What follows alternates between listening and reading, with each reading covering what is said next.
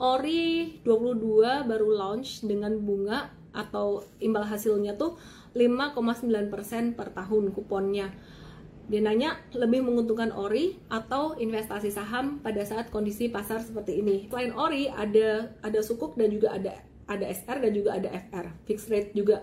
Kalau fixed rate dia tenornya lebih panjang dan e, imbal hasilnya lebih tinggi. Bisa sampai 7,5 persenan ada juga gitu. Cuman memang tenornya panjang sekali.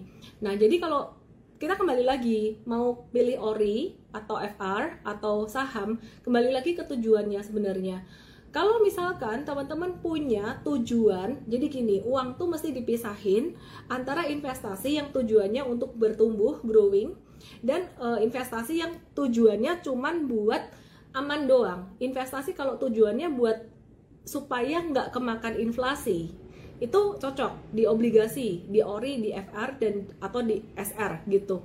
Nah, jadi balik lagi ke tujuan awalnya. Sekarang kalau teman-teman nanya, kenapa aku juga ada rencana mau masuk ke ORI, aku ada masuk ke FR juga. Karena nggak mungkin semua uang kita tuh semua muanya tuh ditaruh di saham kita mesti ada diversifikasi profil resiko kita kembali lagi kalau ditanya sama orang berapa banyak uang yang cocok tepat dimasukin ke investasi saham saya akan bilang senilai resiko yang kamu bisa tanggung. Contoh, mau masukin di saham. Resiko di saham tuh paling banyak berapa sih? Kita lihat saham BCA. BCA selama berpuluh-puluh tahun terakhir dari tahun 2008 sampai sekarang. Turun itu paling dalam berapa? BCA tuh turun paling dalam 40% di tahun 2008 dan di tahun 2020. Selebihnya di krisis-krisis yang lain dia tuh turun turun cuma sekitar 25% aja mentok. Nah, sehingga kita bisa ambil benchmark ini. Kalau kita beli saham yang blue chip blue chip yang paling bagus gitu ya. Itu misalkan turun sampai 40%. Oke, anggap kamu masukin uang 100 juta, terus rugi 40 juta. Siap nggak?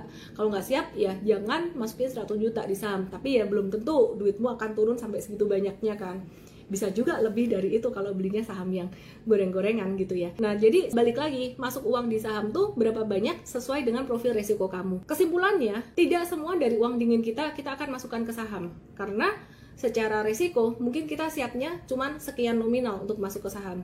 Selebihnya kita bisa masukkan ke instrumen lain yang lebih secure.